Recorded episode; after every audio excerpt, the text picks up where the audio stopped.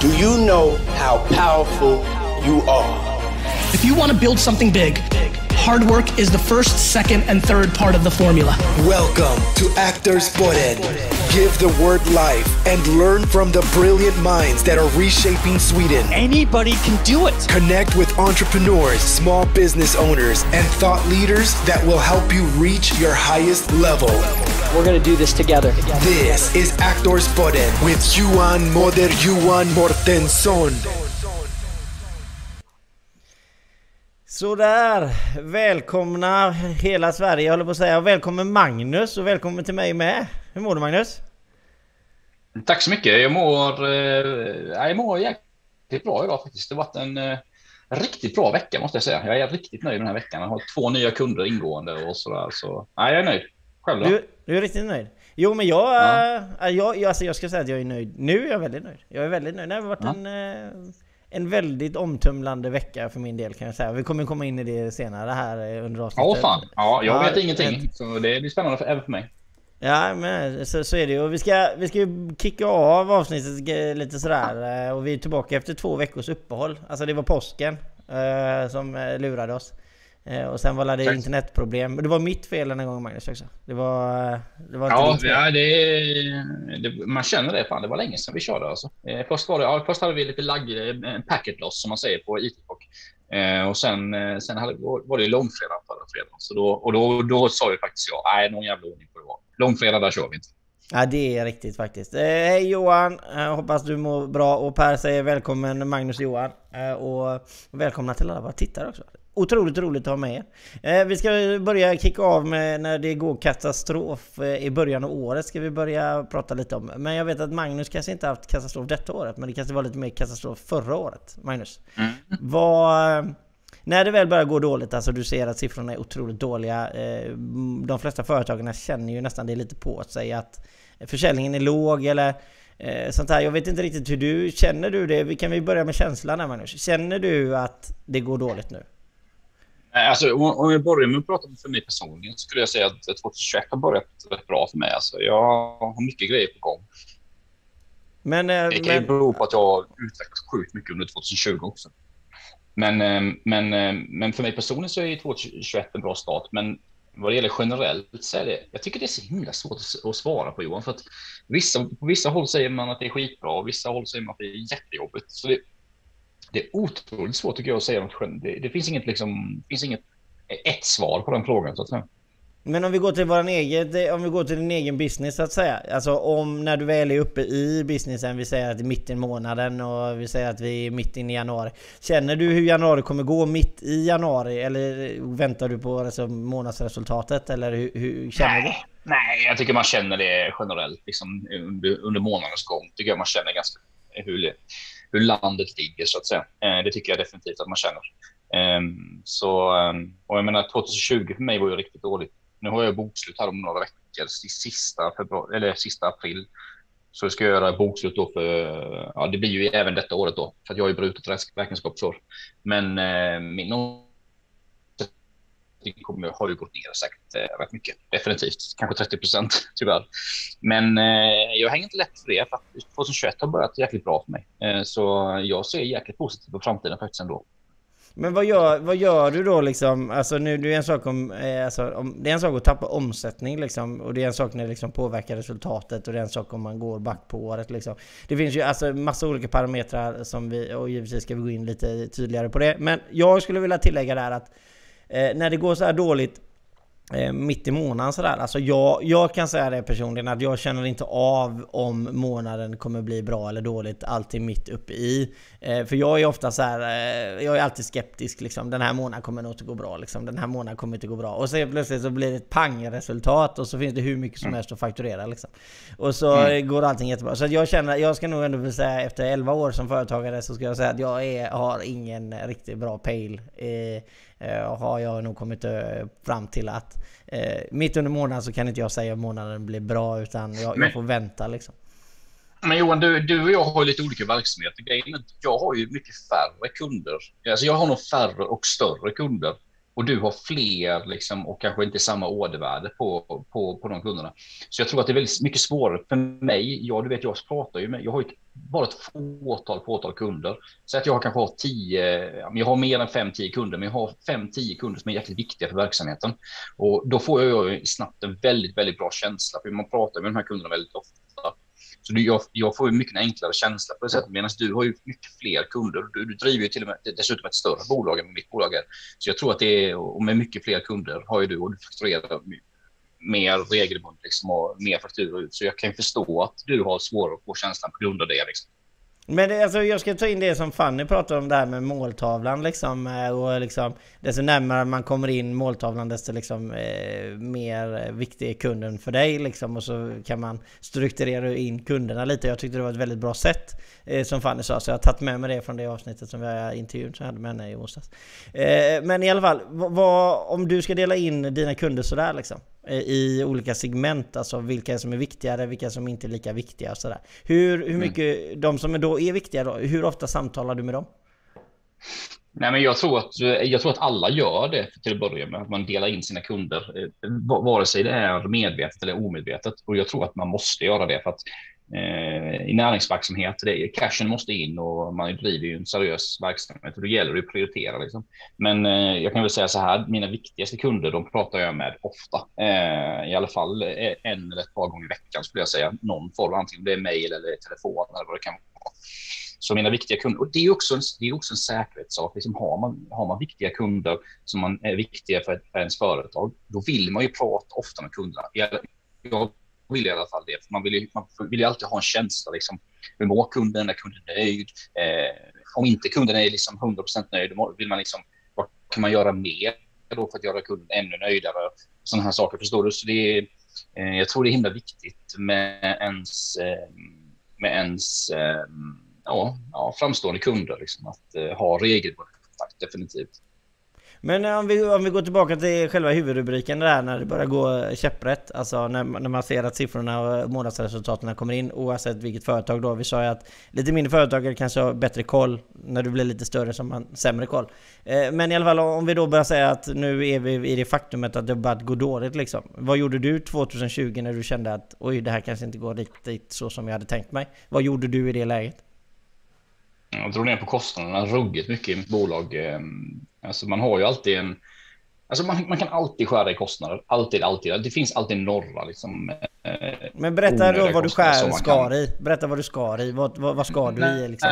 Nej, men eh, det, det jag skar det var ju prenumerationer, typ IT och sånt i början med som du och jag pratade om innan Johan. Eh, både du och jag gillar ju mycket SEO och du vet webbapplikationer och sånt. Så där har man ju en del grejer man kan rensa kunde man säkert rensa bort några, några tusen i månaden på det. Liksom. Eh, sen, har ju, sen var det faktiskt så att under 2020, jag skulle inte säga att det var kris för mig, det är lite mycket att säga för att det är de som har haft det mycket, mycket värre än vad jag har haft det. Men, men jag tog det lugnt med lönekostnaderna. Liksom. Jag drog in på lönekostnaderna att, eh, till mig själv, mina egna löner. Liksom. Eh, och levde lite mer på sparpengar som man har haft sedan tidigare. Liksom. Så, det, så är det ju i de flesta små, småföretag, liksom. eller i alla företag kan man säga. Personalkostnaderna är ju väldigt stor del av eh, resten av bolaget. Ja det så, nu hoppade till där. Nej men jag jobbar precis som du sa där. Det är, det är en väldigt stor del av eh, kostnaden så att säga, personal, mm. personalen. Eh, och, och, du drog ner det. Men alltså hade du någon liksom plan då? För jag, jag tror att det är väldigt vanligt bland egenföretagare när man väl har, man är inne i den perioden att Eh, när det börjar gå dåligt att man har dragit in på sina löner. Hur, hade du en plan liksom hur länge? Eller det får, det får gå så långt det går innan jag kan börja liksom fakturera igen? Eller vad hade du någon känsla där? Alltså grejen är att jag fakturerar ju fortfarande. Det var inte så att min verksamhet, det finns ju de ja, men restauranger och besöksnäring som har gått ner till noll liksom, nästan under 2020 så hade ju inte jag det. Min omsättning kanske gick ner 20-30 procent. Vi får se på bokslutet. Men det är klart att eh, då drar man ju som företagare drar man ju öronen åt sig rejält och, liksom, och drar in så mycket som möjligt. Och jag drog in rejält på mina löneutbetalningar. Det kan jag ju ärligt säga och, och levde mer på sparpengar liksom. Eh, för att eh, det är, det är inte bara så. Alltså man, man vet ju inte vad som händer i framtiden. Och ju, man vill ju helst inte visa minusresultat i sina, i sina böcker så att säga, för det påverkar ju också bolaget med och massa sådana grejer. Så två år med för några år sedan beroende på att jag hade ett par kunder som, som försvann och konkade tyvärr. Um, så jag hade ju ett par, par dåliga år och jag vill helst komma tillbaka. Du vet, man visar minusresultat. För det, alltså man kan visa, det är inte hela världen att visa ett minusresultat någon gång ibland. Liksom. Det är inte liksom, det är inte end of the world, men det påverkar ju ändå företagets rating och, och sådana saker. Så um, jag tror det är bra att försöka undvika det. Liksom. Om, man kan, om man kan på andra sätt dra ner sina kostnader så man inte behöver göra minusresultat så skulle jag ändå rekommendera det. Liksom. Men om, om vi, vi ponerar här, alltså för det är väldigt bra om vi liksom målar upp en, en fantasivärld här nu som inte existerar. Men att, att, att du inte hade haft sparpengar. Mm. Nej, du, hade inte haft, du hade inte haft en säkerhetslina liksom, vad hade du gjort? Nej. Nej, men då är det klart att då är det väldigt tufft och då handlar det om att har man inte det, då får man ju gå till sina nära och kära. Är det nästan eller, till banken eller vad det kan vara. Liksom. För att, um, men jag försöker alltid hålla och det, det är alltid kostar behöver ta tag i. Ja, precis. Det lägga till lite. Som sagt, vi är lite så, Ja, jag märkte att Ja, det hoppar, det hoppar lite. Det hoppar lite. Den vill inte riktigt, vill riktigt, riktigt vara med här. Jag säger det igen. Då, jo, om jag där. Nej, fortfarande. Ni tittade och lyssnade. Men jag ser Johans bild. Johans bild laggar rejält. Ja, precis. Ja, ja, det är lite tråkigt. Men nu är vi nog tillbaka igen. Jag har ingen mm. aning vad internet ja, inte riktigt vill vara med oss eller om det är tekniken som inte vill vara med oss kanske. Men... Nej, men jag sa det ju. Det, det kommer alltid oförutsedda kostnader både i företagande och i, i, i, bland, i, privat, i sin privata ekonomi. Liksom.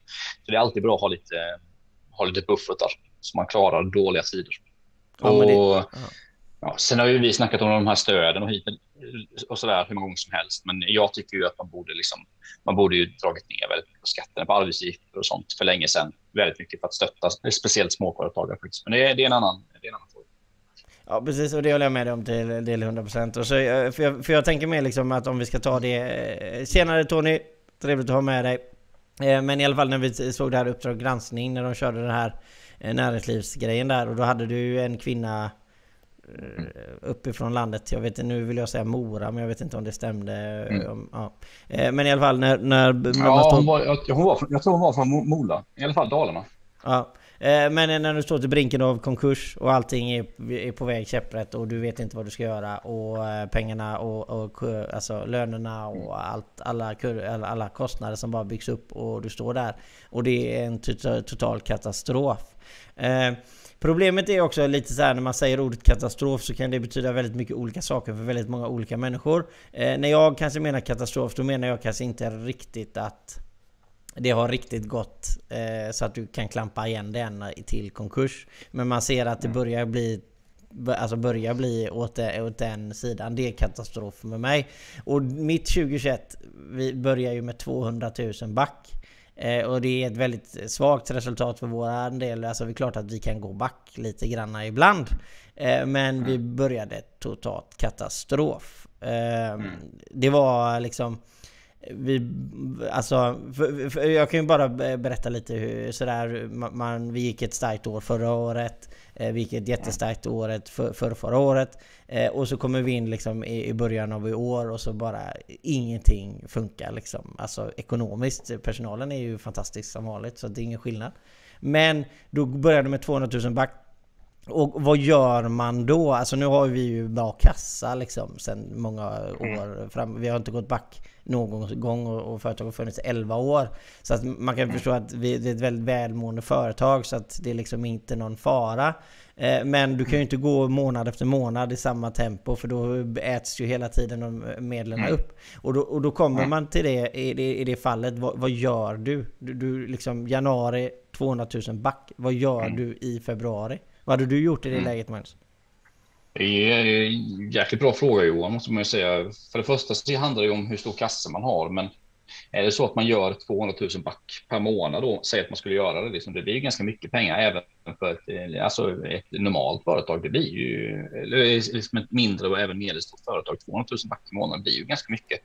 Och säg att det rullar på några månader, kanske Q1 och i värsta fall Q2 också, du vet, då är vi uppe i en mille liksom då blir det ruggigt mycket pengar. Och även om han har byggt kassa under lång tid så så jäkla mycket kassa har ju inte de flesta bolag. Jag, jag vet inte vad snittet går på kassan i bolag generellt, små småföretag. Men, men jag menar, själv, det är bra om man har några, ett par hundratusen liksom i kassan, definitivt att klara sämre tider. Men men fortsätter det så blir det tufft och jag menar, vi har varit inne på det Johan innan, om sådana saker fortsätter, då är det ju bara liksom, då är det ju verklighetsomfattande. Då gäller det att sänka sina kostnader och vad är, vilka kostnader var det vi pratade om innan? Jo, det är ju personalkostnader liksom, som är en stor del av, eh, av verksamheten. Ja, men är du tjänsteföretag så kan du inte sänka personalkostnaderna för då sänker du intäkterna mm. liksom. Och det, det går ju liksom mm, äh, där va. Det är, det är ju, eh, kostnaden är ju intäkten på det sättet. Så att eh, mm. man, man, kan se det lite, men, men givetvis ska man ju ta bort kostnader i det ena och det andra. Sådär, givetvis man, man kan ha en extra bil eller man kan förhandla om te, teleavtalen eh, eller man kan... Ja, det finns ju massa abonnemang och grejer som man har, som man har på bolaget som man kan göra annorlunda med. Eh, det, som jag, det som jag gjorde, eller det som jag gjorde då i det läget då, att man kommer från ett katastrofresultat i januari. Givetvis är det ju att eh, vi har ett möte liksom företaget. Så här är det. De här siffrorna är det just nu. Vi behöver vara eh, varsamma med inköp. Köp in det som behövs för att eh, driva verksamheten. Eh, men köp mm. ingenting utöver det vanliga. Vi behöver inte ha en extra grej just nu. Utan vi tar det sen. Liksom. Och då är alla överens. Eh, man lägger fram vad är det vi kan göra bättre, vad är det vi har gjort bra, vad är det vi ska fortsätta göra bra. Och så har man ett, liksom, ett gött möte, ett gött snack, högt i tak. Man liksom, alltså vi har byggt detta tillsammans liksom. Nu, nu behöver vi liksom kämpa lite liksom, tillsammans. Och så gör vi eh, ett 50 plus eller någonting i februari och så går vi 250 plus i mars liksom. Och så bara pang så är allting över eh, vattenytan igen. Eh, så, så på det sättet så liksom det behövde vara någonting som inte riktigt stämde och så ja. Så, så rullade det igång och så kanske det var några fakturor som inte blev fakturerade i rätt och så. Det, alltså det, det finns ju mycket sådana här bitar. Men så, så, så mitt år ser ju jättepositivt ut men det börjar totalt katastrof. Men jag är lyckligt lottad att jag har kanske kollegor och, och människor runt omkring mig som gör mig starkare. Eh, och, och, på det mm. sättet då att jag, jag, kan vara den jag är och de kan vara de den är och så hjälper vi varandra till att bli, nå högre höjder tillsammans.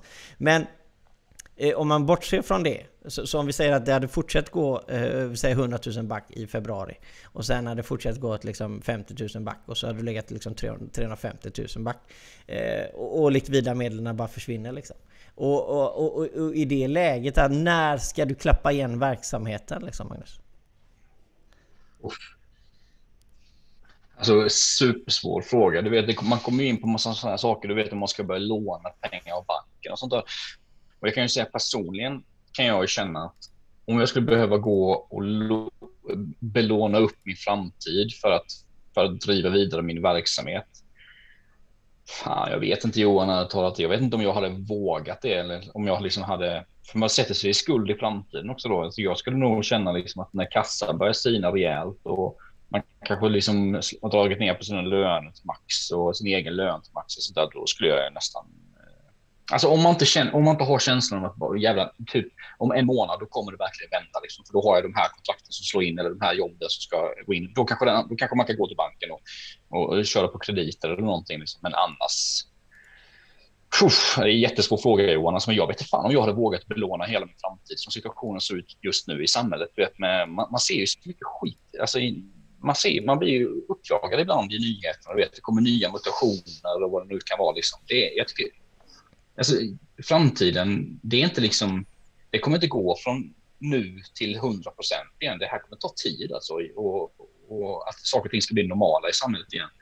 Så um, det är svårt att säga att okej, okay, i juni då kommer allting vara i samhället vara perfekt igen. Vi kommer resa som vanligt, all ekonomi kommer funka som vanligt, alla, all världshandel kommer funka som vanligt. Det kommer inte vara så. Liksom. Det kommer ta lång tid innan det här återställs. Så på något sätt måste man ju det är lite individuellt, men jag hade inte belånat hela min framtid beroende på läget som det ser ut just nu. Alltså, det hade jag inte gjort. Nej, det är klart att man sätter ju familj och hela liksom sådär. Men sen mm. är det alltså det är... Eh, alltså jag, jag, är, alltså jag vet inte, jag är lite annorlunda på det sättet att jag har drivit det så länge och de jag jobbar tillsammans, vi är så... Eh, vi är så stark kärngrupp. Exakt. Så, så, att jag... Jag vet inte, jag hade aldrig eh, om inte det skulle vara något extraordinärt som händer så skulle jag aldrig säga upp någon i kärngruppen. Eh, oavsett om den personen liksom börjar göra något dumt så hade jag hjälpt den personen. Alltså vi är så starka i, i, i gruppen. Och om det hade kommit till att Johan du behöver säga upp någon så jag hade ju aldrig jag hade aldrig gjort det, tror jag. Alltså det... Johan, hade... om, jag ska vara, om, om jag ska vara lite djävulens advokat nu då. Um, ja, var det. det. Det är ju, jag förstår ju precis hur du menar och ni, jag vet ju att ni har ett, ett jäkligt tajt grupp i ditt bolag och jag vet ju att liksom, du har otroligt bra relation med dina medarbetare och. Men jag tror att man ser en del reportage och sådär på tv du, du refererar till Uppdrag granskning innan du vet sådär hur man, ja, hur man belånar hela sin framtid och sånt. Det, det är skillnad, liksom, tycker jag, att vara liksom medmänsklig och, och hjälpa sina medmänniskor och anställda och sånt. Medan i relation då till att sätta sig i skuld kanske i, för resten av livet, i, som vissa gör nu faktiskt.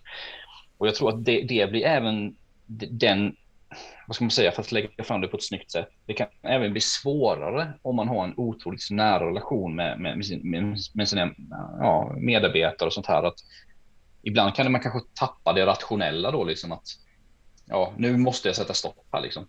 Nu tror inte jag, nu tror jag definitivt inte du är i det läget, liksom, men jag tror att det finns företagare där ute som ibland, man får inte, man får inte ta det för långt heller. För det finns ju ändå lagstiftning kring en bolag liksom och i slutändan, du som ägare och vd, du är ju personligt ansvarig liksom, för ditt bolag. Så man får inte ta det, liksom, man får inte bli dum heller och ta det för långt beroende på att eh, man måste ha en balans mellan sina känslor och verkligheten på något sätt. Jo men affärslivet, jo, men det håller jag med dig till 100% För att det som man ska vara väldigt klart för sig om du belånar upp din fastighet och du belånar upp din familjs förmögenheter eller tillgångar så att säga. Mm. Eh, bara för att rädda företaget för att rädda kvar kanske någon anställd så att säga. Den personen, eh, när du väl sitter där med två miljoner i skulder och har gått i konkurs och det hela ditt liv har gått i kras på grund av att företaget mm. har gått i kras. Så kommer ingen komma och hjälpa dig. Nej men då, jag tar halva lånet. Alltså, så att jag förstår vad du menar. Nej, det, självklart, självklart mm. är det ju så. Eh, men sen kan det ju vara så här att Ja, folk kanske hellre går i konkurs då. Men då kanske du inte ska låna in massa pengar för att överleva ett bolag som är Exakt. på väg i nedgång. Exakt. Så att jag, jag, förstår precis vad du menar och där tycker jag ju att nej men är, är man en stark grupp och, och, och, verkligen alla vill väl och man gör saker i rätt tid när man ser att det börjar så att man kan styra om skutan väldigt, väldigt fort. Så, så, och man är inte 250 anställda utan du kan se en liten grupp, då mm. är det ju lättare liksom. Det är svårare om du är, om du är tusen anställda och så ska du försöka liksom eh, bringa in en kultur att nu ställer vi upp på varandra här men vi har inte gjort det de senaste tio åren men vi ska börja göra det nu. Då kanske det är lite väl sent för att börja med det precis när det börjar gå käpprätt. Men eh, ja, det, det, är där. Ska vi se, Tony säger att Magnus ser lite sliten ut idag. Så det beror på att jag gav honom ett hårt pass cirkelträning igår. Efter passet blev det en grillad korv. Ja men det är Per som säger det, det är nog Jajamän, det är Per som säger det. Um, uh, alltså, jag fick höra innan på Industrinätverket, en av Rickard sa till mig innan, jag driver ju något som heter Industrinätverket för några som tittar här ju. Och i morse så innan vi drog igång, Rickard bara fan du ser lite sliten ut idag Magnus, du är lite rödsprängd i ansiktet så här. Och då var ju Per snabb som fan. Ja, vi tränar igång. Magnus pallar inte trycket liksom och sådär. Så, men eh, sanningen är att både jag och Per vet hur träningen gick igår. Eh, och jag kan säga att det, jag var inte den som inte klarade palla trycket så att säga. Pallade Kid trycket då? Eller var det, var, det, var det Per som gav upp först? Ja, tycker, tycker Kid eh, klarade ganska bra. Per däremot, han gnällde ganska mycket. Okej, okay, ja, men han, han, tog två grillade korvar efteråt. Han är med för att grilla korv, Per. Ja, håller, håller, se till att alla andra mår bra så liksom cyklar han lite efter er där vet du. Han, ja, det är ja, ja, per, ja, ja. per, per gillar solidaritet. Ja det är riktigt, det är gött det är det. Nej men i alla fall, eh, men tillbaka till när det går till katastrof. Så, så är det så att på något sätt så måste du eh, ändra ditt mindset. Alltså om vi går tillbaka till min egen historia så måste du ändra eh, negativiteten som har spridits in i ledet i företaget. Eh, du kan liksom inte acceptera den negativiteten ska påverka dig som individ, som ledare, att det kommer spridas ut till alla andra runt omkring dig. Alternativt att din, dina kollegor är negativa och det sprider sig vidare till varandra. För det spelar nästan egentligen ingen roll om, om det är företagsledningen eller om det är en kollega på företaget. Om du är en stark grupp, då kommer alla påverka varandra. Så då är det otroligt viktigt att, att man tar tag i den här negativiteten direkt. Att börja folk bli negativa, nej jag orkar inte, nej det går inte, och fan och det är tråkigt och det är, aha, du vet allting det här då som eh, blir i mindsetet när man är negativ att nej det går inte, jag kommer inte klara det här och det här och nu har Johan räknat fel igen eller nu är det alltså du vet den här. Man måste utrota den, eh, den direkt och då man måste ersätta den med alltså nu, nu kör vi, nu, nu går vi ihop som grupp, nu övervinner vi målen tillsammans, nu pushar vi varandra, nu är vi positiva tillsammans, nu hjälper vi varandra liksom. Man måste in och byta attityden direkt när det väl börjar gå dåligt så man ser till att man kommer in med rätt energier och rätt inställning in i den dåliga perioden för att kunna hämta det, upp det. Eh, och, och beroende på hur stark man är som grupp och hur duktiga man är på att jobba ihop så, så tror jag att det går fortare för vissa och värre för vissa. Men sen ska vi även säga det att det kan ju bero väldigt mycket på vilken bransch du är i. Är du i liksom butiksbranschen och ska sälja kläder i, i, en butik idag där det inte får vara inne mer än två personer i, i din butik samtidigt så kanske det är väldigt tufft. Då kanske det inte spelar en mm. roll hur bra inställning du har. Eller hur bra attityd du har. Mm. Eh, men, men då får man ju kanske gå vidare då och gå in på försäljningen istället. Alltså hur gör man för att öka försäljningen? Det är ju sån... Hur gör man Magnus? Hur gör man? Ja, alltså om ens befintliga försäljning har gått ner på ens, eh, ens befintliga erbjudande så handlar det om att hitta fler kunder definitivt och jobba mer på marknaden. Annars är det såklart att utveckla nya typer av tjänster och produkter. Eh, för jag menar, finns det inte behov av dina produkter som du har just nu på marknaden? Ja, men till exempel om du driver ett hotell. 2020 fanns det liksom ingen, det fanns inget behov av hotellrum att liksom sova i. Liksom. Då är det svårt att sälja fler hotellrum med tanke på att hela, hela marknaden är död. Liksom. Då handlar det om att eh, anpassa sitt erbjudande. Jag vet att till exempel Scandic har ju börjat sälja, sälja de har börjat hyra ut rum som kontor, som, eh, som massa olika typer av saker. Deras befintliga hotellrum då, typ till eh, ja, som kontorslandskap och sådana saker. Så det, det är ett bra exempel på att man måste förändra sin verksamhet för att kunna överleva. Eh, så det beror på lite vilken situation man är i tror jag. Men är det så att om man inte kan om ens, om, ens, om ens erbjudande är helt förstört, att det finns ingen, det finns liksom ingen efterfrågan på marknaden, då måste man ju tweaka sin, sin produkt att kunna sälja på ett annat sätt. Eh, och sälja annan typ av produkt eller annan typ av tjänst liksom, för att kunna överleva. Det, det är väl grundtipset. Och jag menar, jag, kan, jag tycker man kan se i samhället ganska mycket att många företag har liksom switchat. Det är, det är på något sätt så att när det blir kris, det tar ju fram det kan ta fram det värsta ur människor, men det kan också ta fram det bästa ur människor. Att människan är, kan förändras när det är kris. Liksom. Att man gör något helt nytt, man eh, ändrar sitt, eh, man ändrar sitt beteende, man ändrar sitt erbjudande och sådär. Så jag tycker man har sett många exempel på många företagare som verkligen har switchat om under krisen och, och verkligen, eh, och det innebär att de kommer stå starka i framtiden också. Och de har lyckats göra den här resan till att, till att vända sin verksamhet. Ja precis, och det är egentligen det som är det bästa egentligen. Du, du är ju på någonting som är väldigt rätt där. Alltså om du inte lyckats med den målgruppen eller alternativ den produkten du har så måste du ju hitta en ny produkt. Eller en ny målgrupp eller en ny mm. segment att sälja inom. Mm. Eh, jag tycker dock att många butiker har varit väldigt duktiga. Eh, för det är en av de mest restauranger också givetvis. Eh, och, och, hotell och, och, flyg och resor och sånt. Alla de, alla de eh, eh, branscherna har ju gått väldigt svagt. och, och Tyvärr är det ju så att det kommer inte förändras eh, heller eh, på, på sikt. Så att det gäller, har man inte börjat ställa om så, så får man göra det för att eh, mm. Alltså nu, nu ska man ju inte liksom bara alltså, komma med negativt, negativt så, men samtidigt måste man vara ärlig och se, se det man gör på marknaden och det är ju att företag till exempel kommer ju sluta resa lika mycket Eh, Eh, och man kommer kanske inte resa lika ofta, man kommer inte ta på hotell lika ofta för man reser inte. Man tar mötet, kanske första mötet, det andra mötet över Zoom. Man kanske tar tredje mötet istället eh, in person.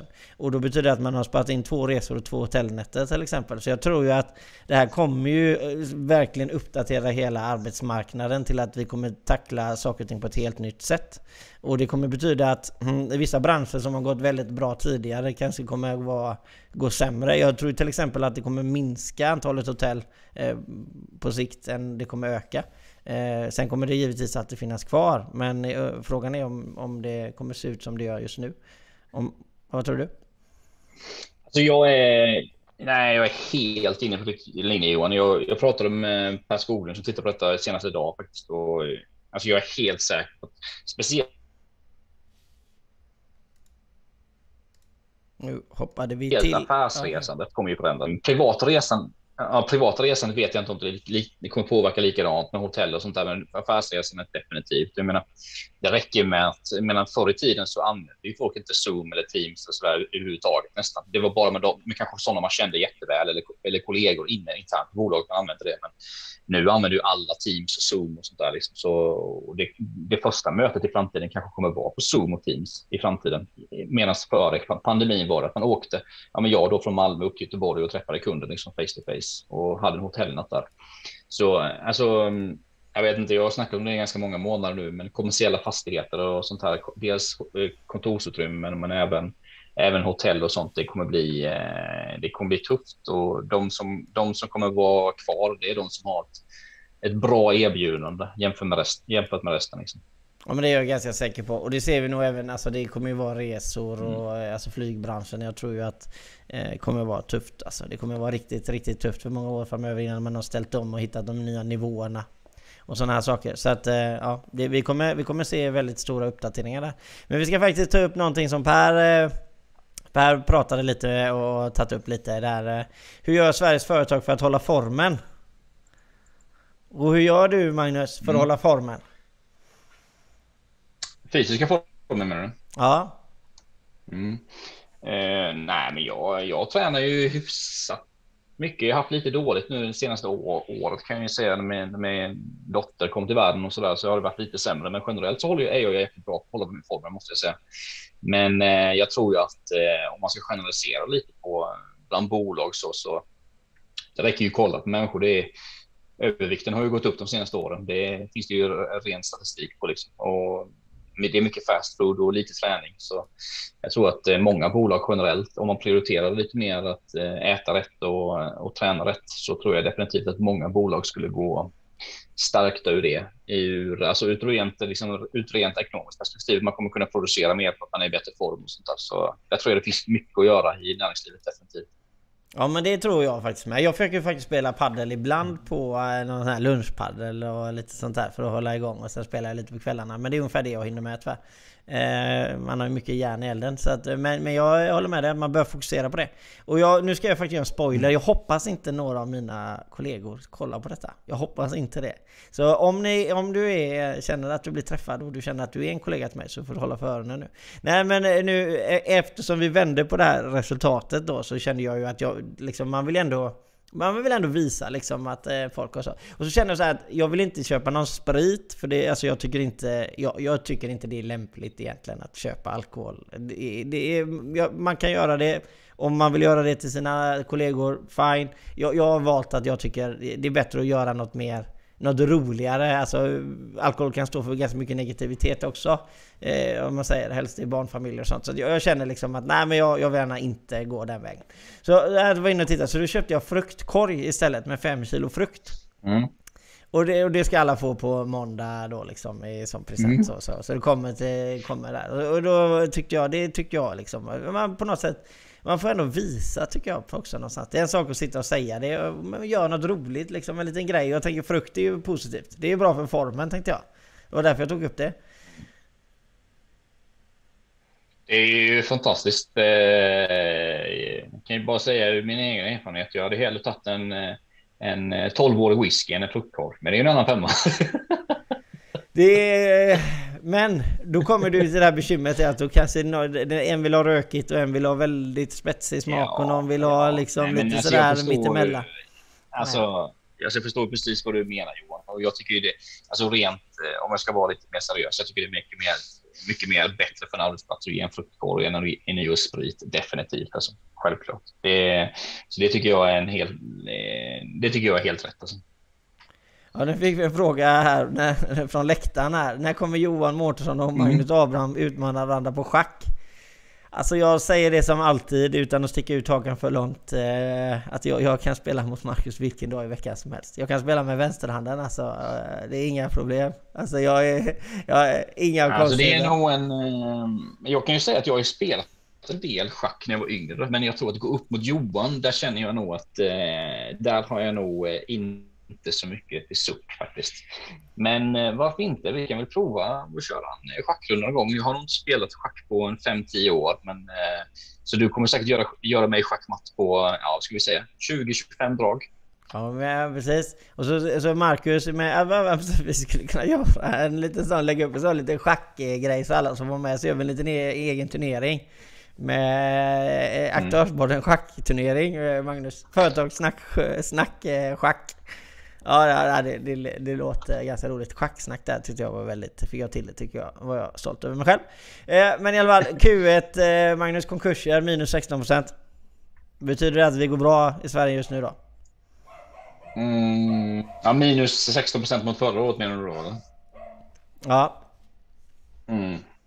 Nej, alltså du vet Johan, vi har ju pratat om det här många gånger. Jag tror inte på de här siffrorna. Jag, alltså, jag, jag, tror ju på siffrorna att det är sanningen. Det tror jag ju definitivt. Absolut. Jag tror inte de ljuger. Men det är så mycket grejer på marknaden just nu med doping och du vet, bidrag och omställningsstöd och mm, permitteringsstöd och sånt där. Så jag menar, jag tar de där siffrorna med jäkligt stor nypa salt. Jag tror inte man kan. Man kan inte dra några växlar överhuvudtaget på, mm, på det för att jag tror att varje människa, alltså varje människa med någorlunda intelligens kan förstår ju att det är problematiskt just nu i näringslivet. Jäkligt problematiskt. Och att då att eh, konkurserna skulle gå ner, det är liksom upp och nervända världen. Det är, det är någonting som inte stämmer helt enkelt. Och eh, det kommer komma Johan. Det kommer bara vara en fördröjning. Eh, sen om det kommer nu under våren eller om det kommer under hösten när alla stöd och sånt är borta så då kommer det komma. Det är jag helt säker på. Jo precis, det kommer ju vara väldigt intressant eh, just med mm. när, när stöden försvinner. Och det kommer bli väldigt intressant när, när, när liksom eh, de, även stora företagen som många av dem går ju bra för, förhoppningsvis och fortsätter gå bra efter stöden försvinner också.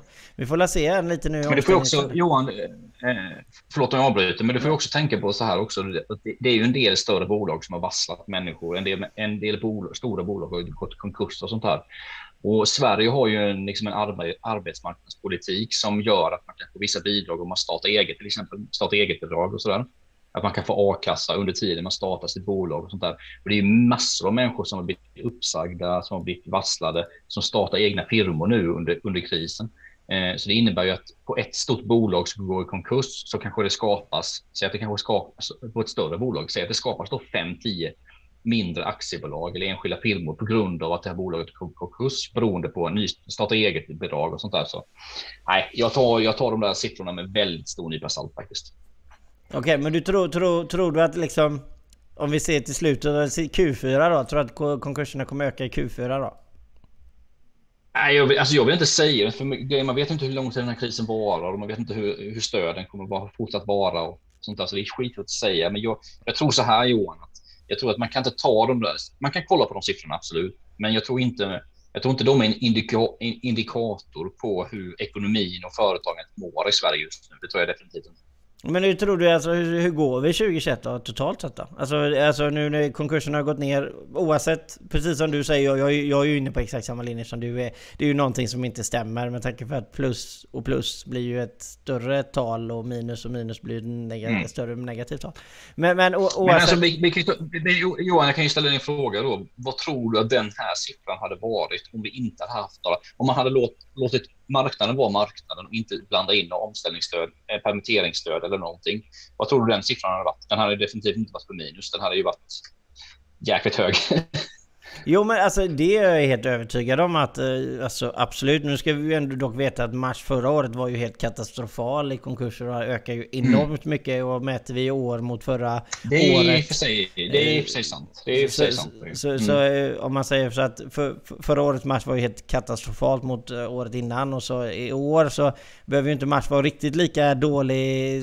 Men det är kanske en dålig månad generellt sett. Men mot förra året så kanske den ser bra ut. Så att, alltså det finns ju massa sådana saker som man kan titta på för att grotta sig in i, i siffrorna ännu mer. Men jag tror ju att mycket företag står Johan, får jag bara avbryta där? Ja. Alltså, du, du, pratade om, du pratade om mass förra året. Det var ju i princip då den första månaden, februari, ja, slutet av februari kanske var lite också, men mars var ju nästan den första månaden när pandemin slog till hårt mot ekonomin och det var, börsen gick ju ner 20-30 procent någonting på några dagar och sådär.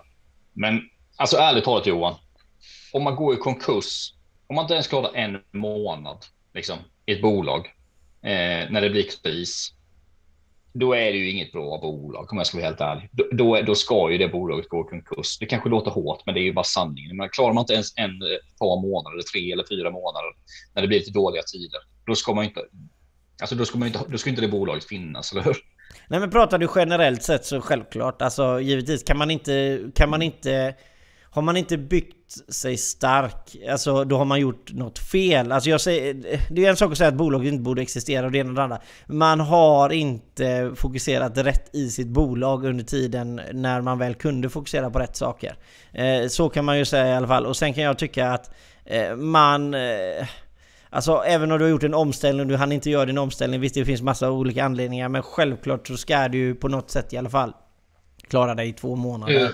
Ja, men det är, klart, det är klart att det finns alltid undantagsfall. Och du vet, det kan ju vara ett startup-företag som precis har startat till exempel. Eller det kan vara att man är i någon omställning av sitt bolag. Så det, det är klart, men jag ser på det stora hela. Liksom, om man ser på totalen så, så, ska det inte, så ska man ju klara mer än ett par månader. Liksom. Det, det kan jag tycka.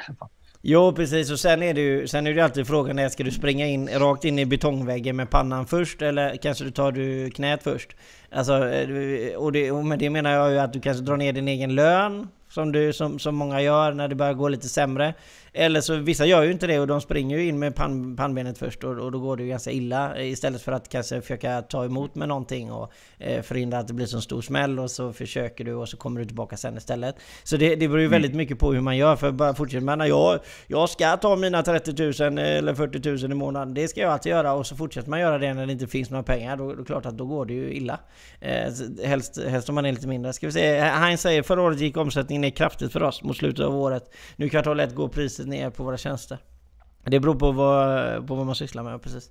Eh, nej men så är det ju. Ja, men det är alltså, ju Heinz, jag känner ju Heinz och det är ett bra exempel. Liksom. Han, han har ju verkat i en bransch som har varit väldigt tuff, vet ju jag. Liksom. Och, ja, men, restaurang och besöksnäring och sånt där. Och, det är inte green specifikt på hans bolag, liksom, men man kan ju säga så att de är ett typexempel på att, eh, hur man överlever. De har varit i den tuffaste branschen, men de har fortfarande över, överlevt. Liksom. Och det är det jag menar. Alltså, om, man, om man driver bolag så, så ska man ju klara sig. Även om det blir riktigt, riktigt tufft för vissa branscher så ska man ju försöka klara sig några månader i alla fall innan man konkar.